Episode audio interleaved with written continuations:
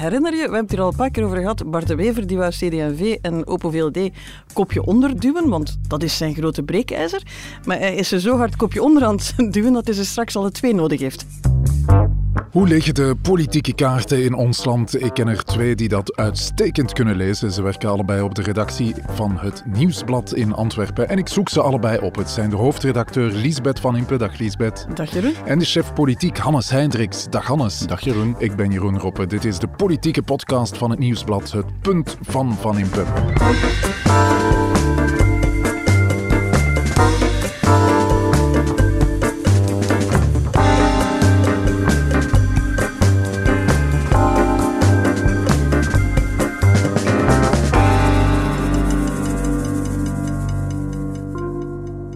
Hele populaire podcast, mag ik wel zeggen, in het Nederlandstalige gedeelte van ons land. Maar als we niet uitkijken, ook in het Franstalige gedeelte van ons land. Vorige week was het uh, populair en français. Ja, want onze vorige aflevering die is uh, uitvoerig gedeeld door uh, Franstalige opiniemakers. En hoe verklaar je dat? Opiniemakers en politieke tegenstanders van Georges-Louis Boucher. Wat meteen de hele verklaring is. Dat is in Wallonië soms één en hetzelfde. Um, ja, die hadden ons item over um, de deelname van Boucher aan uh, Special Forces gevolgd. En uh, ja, plots zat heel mijn Twitterfeed vol met mensen die ja. in het Frans op onze podcast Je had uh, Boucher vergeleken met een luie waal, zeker? Hè? Of, ja, sommigen waren daar dan ook weer door beledigd. Maar ja, goed, ja. De, de, nuances waren hier en daar. Ja, maar de in... PS, de PS vond het wel goed. Ik heb de indruk dat daar zeer enthousiast op de retweet-button gedrukt en is. Ik doe hier alles om het beeld van Wallonië in Vlaanderen positiever te krijgen, zei staatssecretaris Dermin. Georges-Louis Boucher zelf heeft intussen de Special Forces niet alleen verlaten, maar ook echt uh, achter zich gelaten. En uh, toch een mooi succes geboekt met de voetbalclub, waar hij voorzitter van is, de Franc Borin. Dit is uh, Georges-Louis Boucher afgelopen weekend. Certains nous ont méprisés, certains ont cru qu'on n'était pas capable, on a montré qu'on était capable. Et ça, c'est un message aussi pour tout le borinage. C'est toujours possible quand on travaille, c'est toujours possible quand on donne le meilleur. Mais ben voilà, c'est c'est un des plus beaux jours de ma vie. Merci à vous, Georges-Louis. Ja, hij werd er uh, emotioneel van. Pure emotie, ja. De club uh, promoveert van de hoogste amateurklasse naar het profvoetbal. En uh, Boucher bindt er meteen een boodschap aan. Hard werken loont altijd, zegt hij. Was ook de boodschap van uh, Special Forces, maar daar was hij meer een tegenvoorbeeld. Oké, laten we er een Waalse wijn opdrinken. In het zuiden van het land is er trouwens veel meer wijnactiviteit dan in het uh, noorden. Dit is een Marnière. Het uh, domein de Marnière ligt in Varsage in de provincie Luik. We drinken een Pinot Noir op een nieuwe aflevering van het Punt van Van Impe. Wel, dat uh, sommigen beter hun best moeten doen en anderen nog te veel halen. Ik vind dat geen enkele Vivaldi-partij door de kiesdrempel zou mogen halen. Het beleid waarmee zij de Vlaming opzadelen, het is eigenlijk ongelooflijk dat zij nog stemmen halen. Tom van Grieken, de voorzitter van Vlaams Belang. De partij zou bijna één op de vier kiezers achter zich krijgen, mochten het vandaag verkiezingen zijn. Dat blijkt uit een onderzoek van VRT Nieuws en uh, De Standaard. N-VA, Lisbeth, verliest opnieuw maar uh, blijft ja. wel tweede partij, hè? Blijft de tweede partij, maar zakt naar 21 procent. Ze hebben ooit boven de 30 gezeten. Hè? En je ziet dat ook peiling na peiling, ook die van VTM en het laatste nieuws, zet ze rond die 21 procent en dus een paar procenten achter een Vlaams Belang ja. dat naar een kwart van de kiezers gaat. Dat is, dat is gigantisch. Ja, N-VA verliest, maar blijft op twee, op drie vooruit. Dat is een sterke stijger. Hè? Ja, ja, inderdaad. Hè. Die hadden uh, bij de vorige verkiezingen amper 10% eigenlijk nog van de, van de kiezers over. Nu zie je dat Conor Rousseau zijn partij bijna terug uh, op het niveau van 17% heeft uh, gebracht. Dus een significante stijging tegenover de vorige verkiezingen. Ja, die partij heeft wel echt de wind in de zeilen. Heb ik het goed begrepen, Elisabeth, dat de PvdA nu groter is dan CD&V, Open VLD en Groen? Dus je hebt daar Vlaams Belang helemaal bovenaan. Dan heb je N-VA 21 en vooruit dat daar dichterbij sluipt richting 17. En dan valt er een gigantisch gat.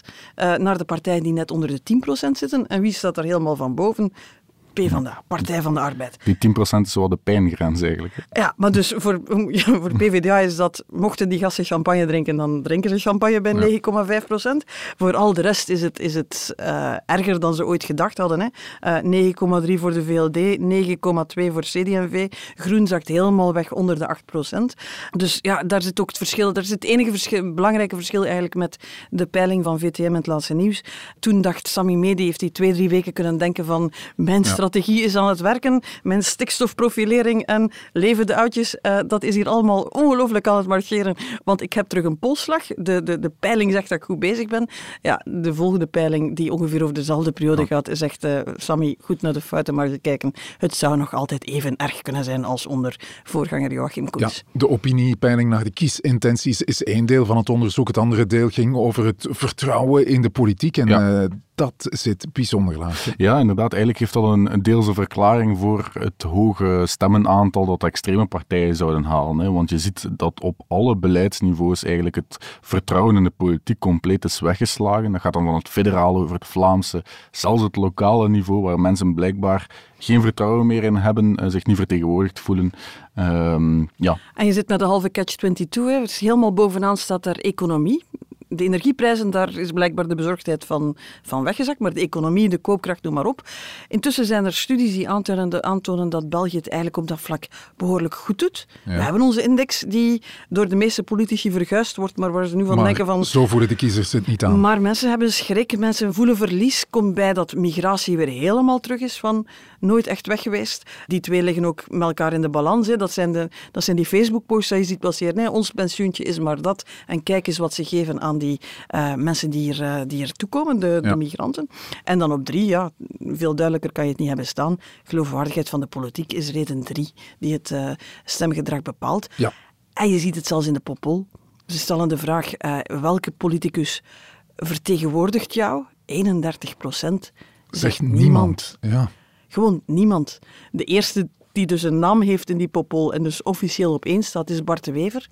Die haalt 12,5% tegenover 31% ja. die het gewoon niet weet. En is dus eigenlijk uh, de tweede en uh, niet de eerste in die poll. Goed, laten we eens kijken naar uh, de kiesintenties, naar al die nu, puzzelstukken die hier liggen. Journalisten zijn traditioneel zeer slecht in wiskunde, maar een, een, een politieke redactie die moet een beetje kunnen hoofdrekenen. Dus dan krijg je discussies af en toe, ja, moeten we elkaar corrigeren. Maar dus als zo'n peiling binnenkomt, dan beginnen wij dingen bij elkaar op te tellen. In de hoop dat er een aantal scenario's zijn die in de, ons in de buurt van 50% brengen. Oké, okay, ik heb hier mijn telefoon en ik kan uh, de rekenmachine live gebruiken. Uh, goed, dus de puzzelstukken liggen hier. Uh, Vivaldi, een nieuwe Vivaldi, Vivaldi 2. Is dat uh, mogelijk mathematisch? Wel, Paul Magnet zegt dat hij Vivaldi 2 effectief van start wil laten gaan. En we hebben het nagerekend. Uh, het zou effectief uh, Vivaldi 2 het zou kunnen. het heeft, geen Vlaamse het meerderheid? Het haalde meerderheid, ja, ja, Het heeft al geen Vlaamse, geen Vlaamse meerderheid, meerderheid. En het zal het niet hebben ook in, ja. in en, de toekomst wellicht. Ja. maar ja, natuurlijk de Franstalige partijen, PS, MR, Ecolo, die alle samen wel met de vingers in de neus een meerderheid. Maar nu komen we op het stuk waar dus politiek begint met wiskunde misschien, maar er zelden mee eindigt. Want uh, dat klinkt simpel, hè. Vivaldi 2, we gaan ja. dat nog eens doen. Dat klinkt als gaat de Hane 1 en de Hane 2, gaat Martens 1 tot 27. um, ja, maar dan zie je plots de wolfsijzers en de, en de schietgeweren opduiken. Ja, je zit hier al met geen Vlaamse meerderheid en drie van die vier partijen die daarin zitten krijgen een fameus ja, pak slag van de kiezer. verliezers, zeg maar. Ja. Dat zijn degenen waar de achterban nu al de hele tijd aan het zeggen is van wat zit je eigenlijk in die regering te doen? Ja. Eh, die achterban zegt nog eens van, we snappen het nog altijd niet. Dus je kan je onmogelijk voorstellen dat die allemaal zomaar zeggen van, we gaan dat nog eens doen. Ja, we hebben het hier dan over CD&V, Open VLD, ja, CD&V, Groen, waar dat... ze soms openlijk dromen van, god, hadden we hier eigenlijk wel moeten instappen. Ja, ze waren zelfs mathematisch niet nodig de vorige keer, ja. dus uh, je kan je ook effectief de vraag stellen, wat hebben ze daar gedaan? Inderdaad. De VLD, die Open VLD kan zeggen, ja, maar ja, we hebben de premier. Nu, kijk eens goed naar die Vivaldi 2-constructie, met een Open VLD die onder de 10% zit terug de premier leveren waar geen van de andere partijen ongelooflijk warm voor loopt. En met en Georges-Louis Boucher en Paul Magnet en Conor Rousseau, die al graag eens laten verstaan dat als men het hen vraagt, dat ze wel bereid zouden zijn om uh, van woonplaats te wisselen met Alexander de Croo. Ja, ja dan, dan zie je dat dat daar dus allemaal ja, een beetje met haken en ogen ja. aan één hangt. En dan zijn we nog altijd maar Nederlands aan het spreken. Oké, okay, stel dat ik geen Nederlands spreek, uh, Lisbeth, en ik uh, alleen maar Frans spreek. Wel, we zijn naar die federale regering aan het kijken, maar we weten al die, al die verkiezingen zijn tezamen. En al die formaties gaan op een gekke manier aan elkaar gelinkt worden. waarbij men regionaal ja. naar federaal gaat kijken en federaal naar regionaal. Nu, als je naar de regionale resultaten in Wallonië gaat gaan kijken, dan, uh, als ze daar hun rekenmachine boven halen, dan zien ze dat ze het zonder de NMR kunnen. Ja. Dus als PS, Ecolo en Les Engagés zouden gaan samenzitten, dan halen die een meerderheid. En uh, Ja.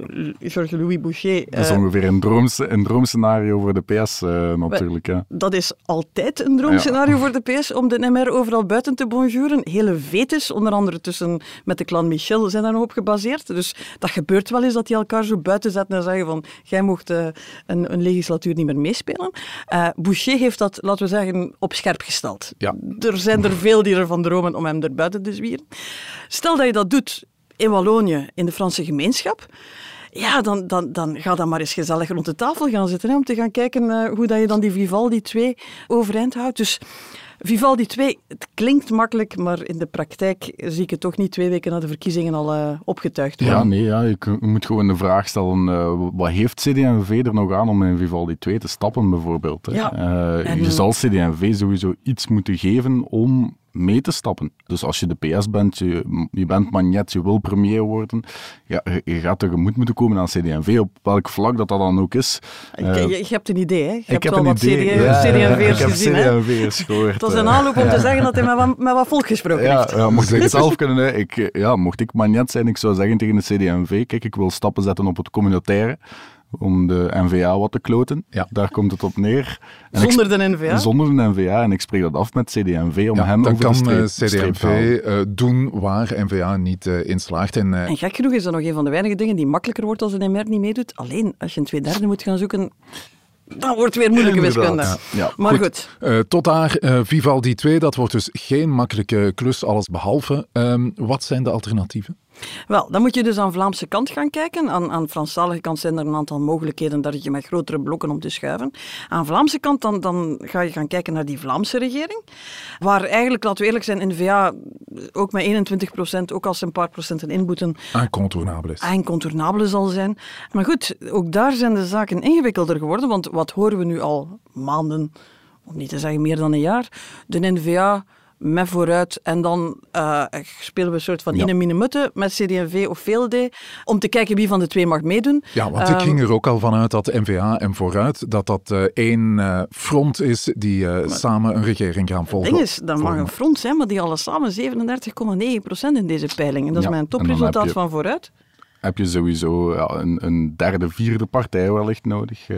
En dus die derde partij, die zit dan onder de 10%, dus je Ja. geraakt er niet. Herinner je, we hebben het hier al een paar keer over gehad, Bart de Wever, die wou CD&V en Open VLD kopje onderduwen, want Ja.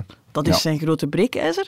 Maar hij is er zo hard kopje onder aan het duwen dat hij ze straks alle twee nodig heeft. Dus aanvankelijk was het Open VLD die slecht lag bij de NVA. Dan is, ze gewisseld, want toen begon Sami Media ambetant te doen, dus nu is de CD&V wat uit de gratie. Maar je gaat naar de realiteit dat je waarschijnlijk vier partijen gaat nodig hebben. Je kan ook naar de Groenen gaan kijken, maar wie bij NVA zit Ja. daarop te wachten? Dus Ik hoor het al, dat wordt heel moeilijk, tenzij natuurlijk NVA kiest voor een coalitie met het Vlaams Belang. Er zijn toch heel wat eh, NVA'ers die daar wat eh, voor voelen. ja, er is eigenlijk een, een groot deel bij de NVA en zeker bij de NVA-kiezers die daar wel heel in zitten. Ik bedoel, ja, stel je bent Vlaams nationalist en- ja, je stemt op de NVA om dat gerealiseerd te krijgen, ja, dan moet je naar Vlaams Belang beginnen kijken, want op federaal niveau zit dat helemaal vast. De staatshervorming, die komt er maar niet. Dus eh met Vlaams Belang zou een alternatief kunnen zijn. Zoals het er nu naar uitziet, hebben ze samen eh, ongeveer 46% van de stemmen. Dat is de meerderheid.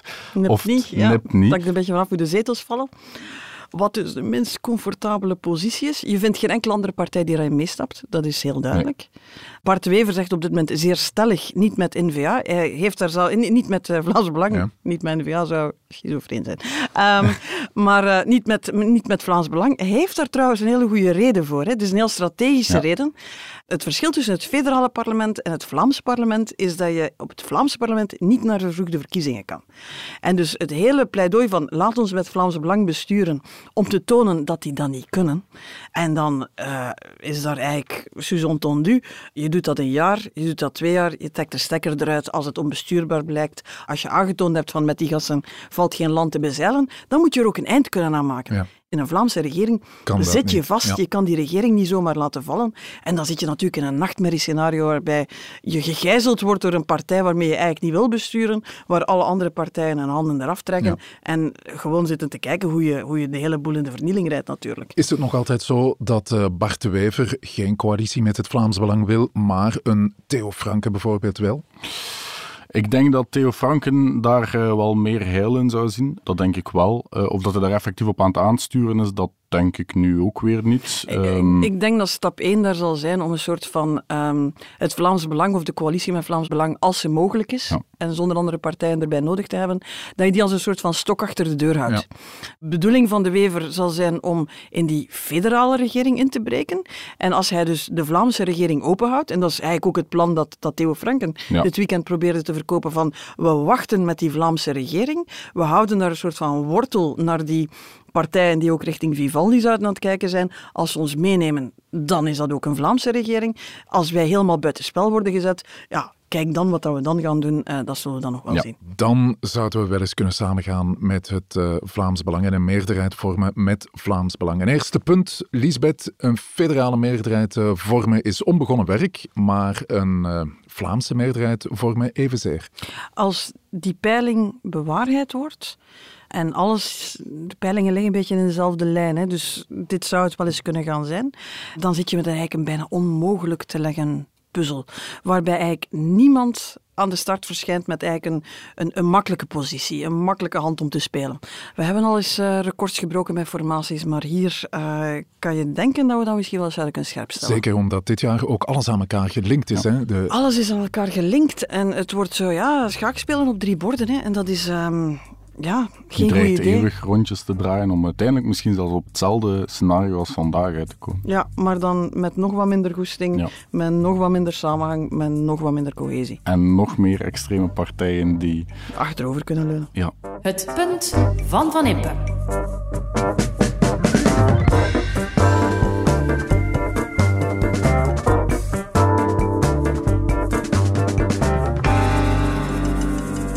Ik wil uh, onmiddellijk doorstarten. De economische toestand is rampzalig en zeer bedreigend. En de nabije toekomst ziet er helemaal niet goed uit. Uh, van een uh, hele kleine ploeg, een technocratische ploeg wat mij betreft, een zakenkabinet, dat een aantal KPI's, doelstellingen, vooral rond het budget, kan waarnemen. Terwijl de politiek in de diepte onderhandelt over, wat mij betreft, de enige oplossing zijn, een ja. confederale omslag.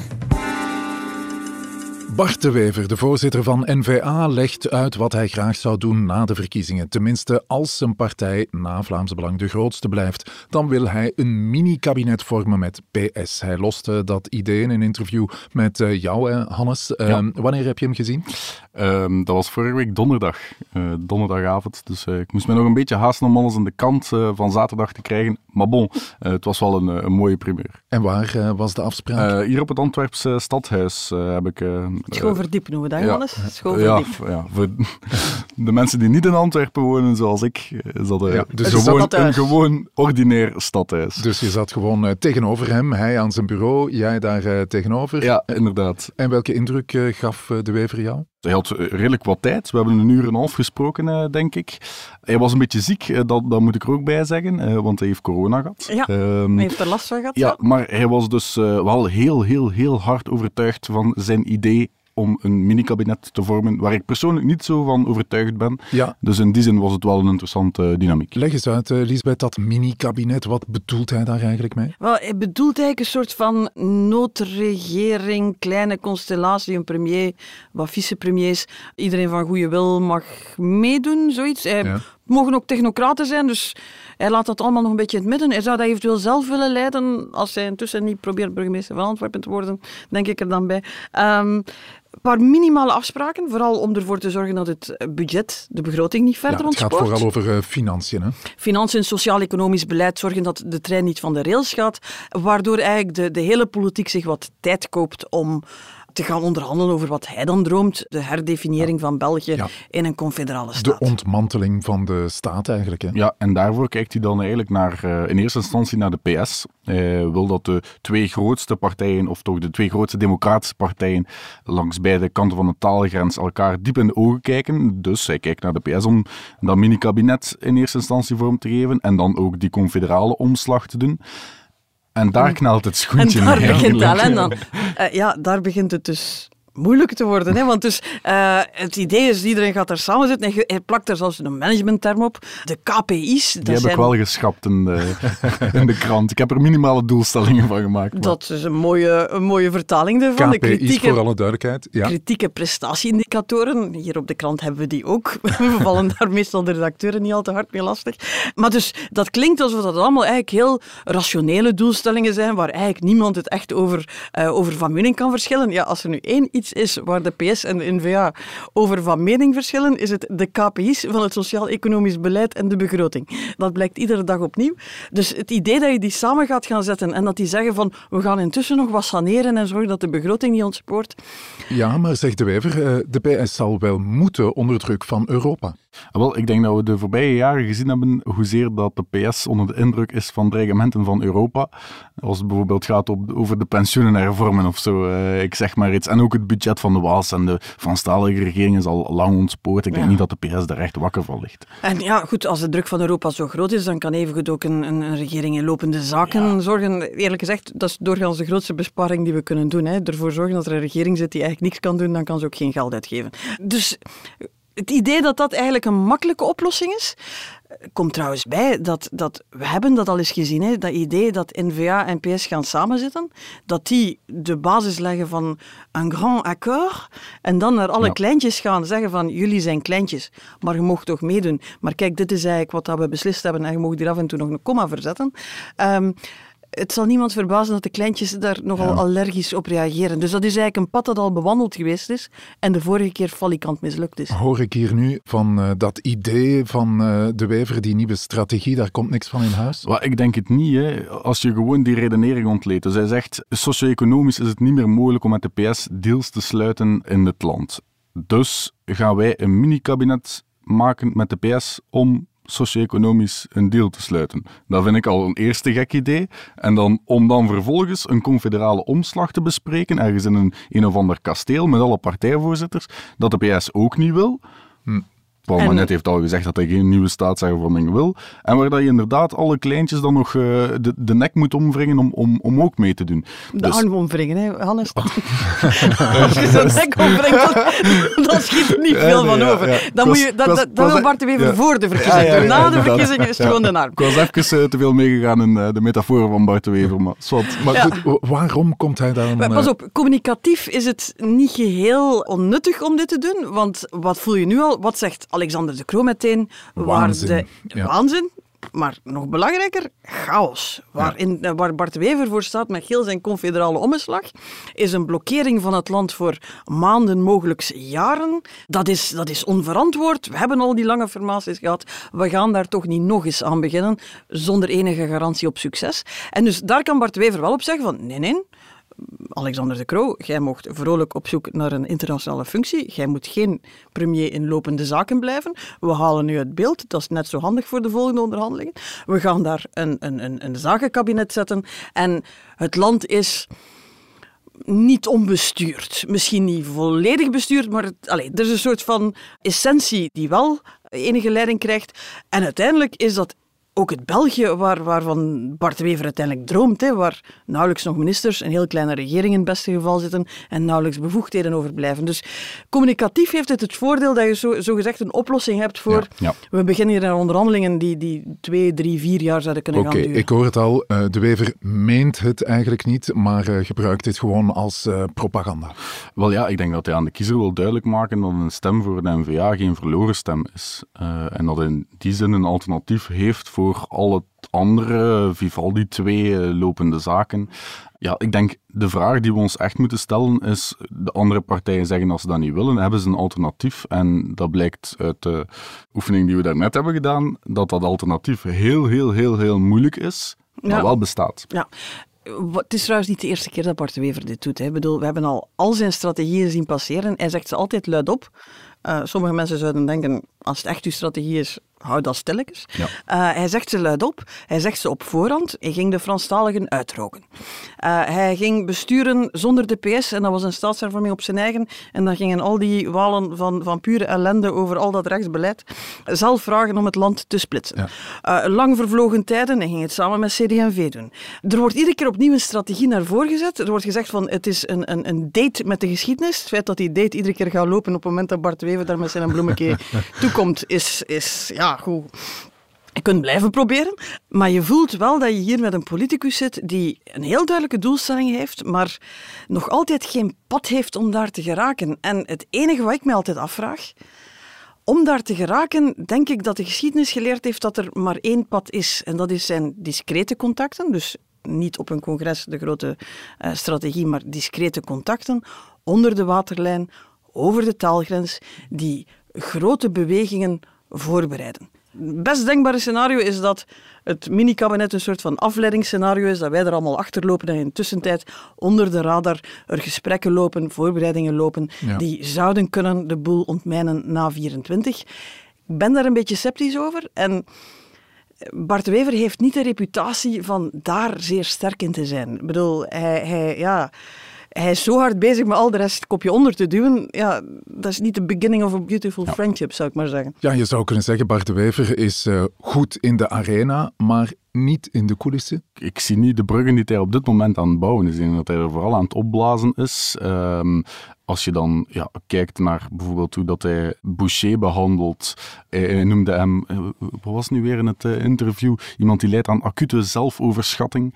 Ook weer een, een uh, toekomstig ja, bondgenoot ja, voor een grote staatshervorming. Ja, Magnet is gewoon de baarlijke duivel in zijn ogen. Dus, ja. Weet je wie zich daar trouwens soms op interessante wijze wat tegenover profileert?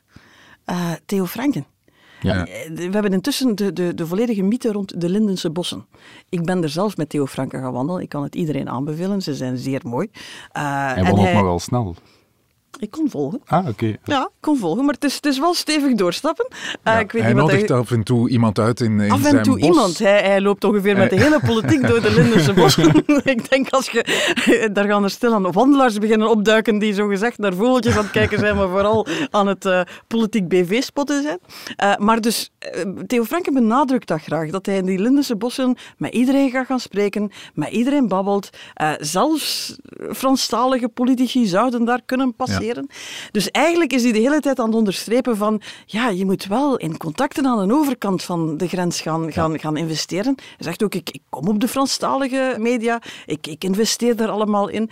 Het lijkt misschien een onverdachte man om uh, achter de vijandelijke linies te sturen, maar hij benadrukt wel heel hard dat je met elkaar moet blijven praten. En ik weet ook niet of het helemaal toeval was dat de dag dat Bart de Wever het mini-kabinet lanceert, ook Theo Franken met een plan komt voor hoe we 2024 zouden kunnen aanpakken. Hij had het over de ja, ja. regering die we on hold zetten. Maar ik kan stil aan mij niet aan de indruk ontdoen dat het benadrukken van zijn goede contacten in de bossen, dat dat een beetje in contrast staat met de wever die uh, soms heel gespierde taal spreekt over de tegenstanders. Interessant uh, punt. Een uh, mini-kabinet, dat is een idee dat je niet al te serieus moet nemen, hoor ik. Um... Ja, ik, ik vind het mini-kabinet echt politieke fictie. Ik denk dat de Wever er inderdaad mee wil laten zien dat hij een alternatief heeft. Uh, maar ja, de sleutel ligt daarbij bij andere partijen die dit pas en ten onpas schoffeert. En dan nog zijn er op heel wat punten gaten te schieten in zijn plan. En ik moet zeggen, ik hoop dat hij nog een beter plan heeft dat hij stilletjes voor zichzelf uit en daardoor meer kans op slagen geeft. Het punt van Van Impe.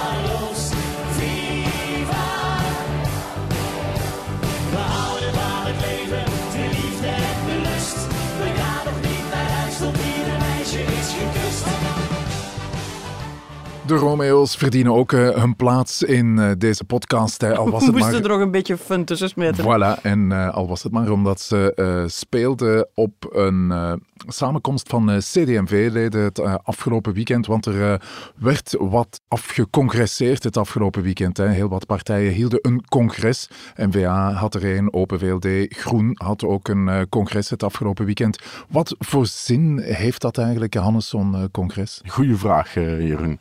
Nee, ik denk dat de partijen zelf daar ideeën uh, naar boven willen halen uh, vanuit hun leden, die ze dan amenderen. Die gaat door de hele malle molen van de partij. Dus ze willen daar ja, nieuwe voorstellen lanceren, ja. uh, zeker met de verkiezingen in het achterhoofd. Ja, vaak met hele grote ambities. Hè. Bij, bij Open VLD wilden ze eigenlijk de opvolging van de grote burgermanifesten. Ik denk dat ik intussen ja. bij Open VLD al op vijf congressen heb gezeten, waar ze zeiden van nu gaan we naar het nieuwe burgermanifest. bij Groen wilden ze af van het belerende vingertje. Daar ja. moesten ze een nieuwe toon vinden om te zeggen van wij zijn niet degene die zeggen dat je niks mocht doen dat een beetje geestig is.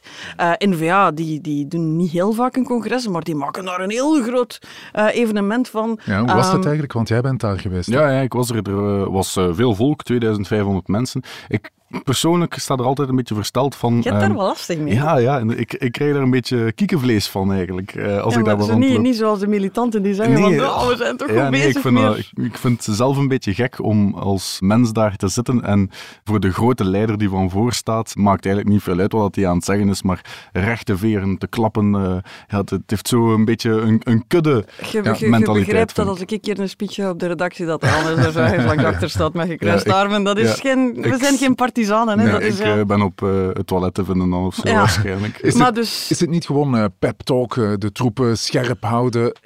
Het is, het is ideologisch soms een verhaal vertellen, het is soms een nieuwe lijn introduceren, maar het is inderdaad ook de, ja. de troepen motiveren. Hè. Wat, wat heeft Twever gezegd van to the breach, my friends, one, one more time. dat, is, dat is het, hè, want straks moeten die gasten allemaal gaan plakken en gaan overtuigen en gaan huisbezoeken doen. En je wil dat, die, dat de troepen overtuigd zijn van het eigen gelijk. Maar ja, de CD&V heeft het... Um, ja, die pakten het anders die aan. hadden een familiedag. Ja, een. Uh, Santé, het grootste buurtfeest ever. En dus uh, ze hadden daar ook een inhoudelijk punt. Wat was het? De kinderbijslag? Uh, nee, de kinderopvang. Het budget kinder. verdubbelen en uh, touche pas à mon kinderbijslag. Ja, dus het omgekeerde van wat ze in het vorige regeerakkoord ja. hebben laten schrijven, maar Passant. Uh, intussen zijn de t-shirts gemaakt. En, ja. uh, en voor de rest moest het vooral gezellig zijn. Ik, ik citeer even uit het programma, als ik mag. De Romeo's waren er, vandaar dat we die net lieten horen. Maar uh, de ministers hadden allemaal een soort van... Um, workshop, is dat het juiste woord? Verbroederingsmomentje ja. met de achterban. Dus was DJ Dalle, de minister van ja. Cultuur, die heeft ja. plaatjes gedraaid op een silent Silent 5? Ja, Silent Disco. Ja. Silent Disco, een, ja. uh, ja. een disco waar uh, iedereen met de hoofdtelefoon uh, Klinkt danst. ongelooflijk gezellig. je kon gamen met Sammy Medi. Er was um, Rodeo. Yeah! Want iedereen moet zijn geschiedenis kennen. Jean-Luc Dehane bleef ook ooit niet zo Let heel lang op go. een elektrische stier zitten. Bruns bleef er langer zitten. Ik hoop dat het niet omgekeerd evenredig is met hun beider ambtstermijnen. Er was Folk for Kids met...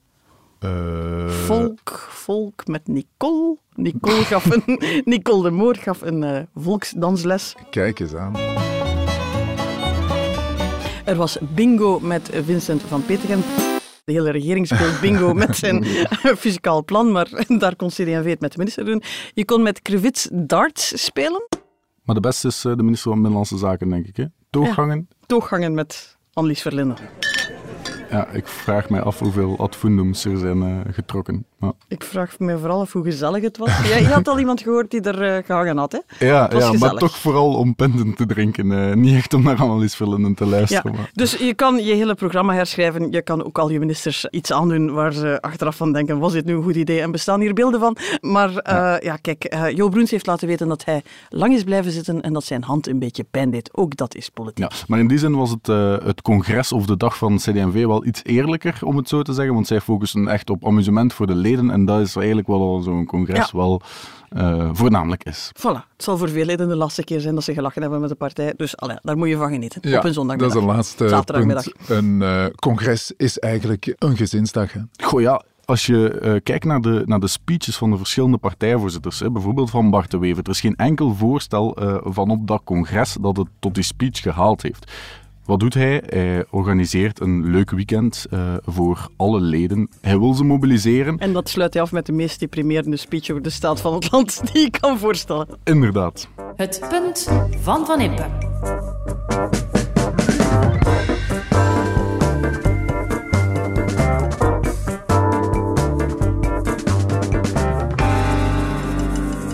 Lisbeth, Hannes, dankjewel. Ja, Lisbeth, neem eh, gerust nog een eh, glas van die heerlijke Pinot Noir van het uh, domein des Marnières in Warsage. Een fantastisch dorp trouwens in de buurt van de Voerstreek is dat in de provincie Luik. Ideaal om naartoe te gaan met iemand die graag bier drinkt, want ze hebben daar ook fantastisch, fenomenaal lekker bier, Warsage. Ik had nog nooit van het dorp gehoord, maar bij deze. Ja, ik ben ermee weg en neem de punten mee. Tot volgende week.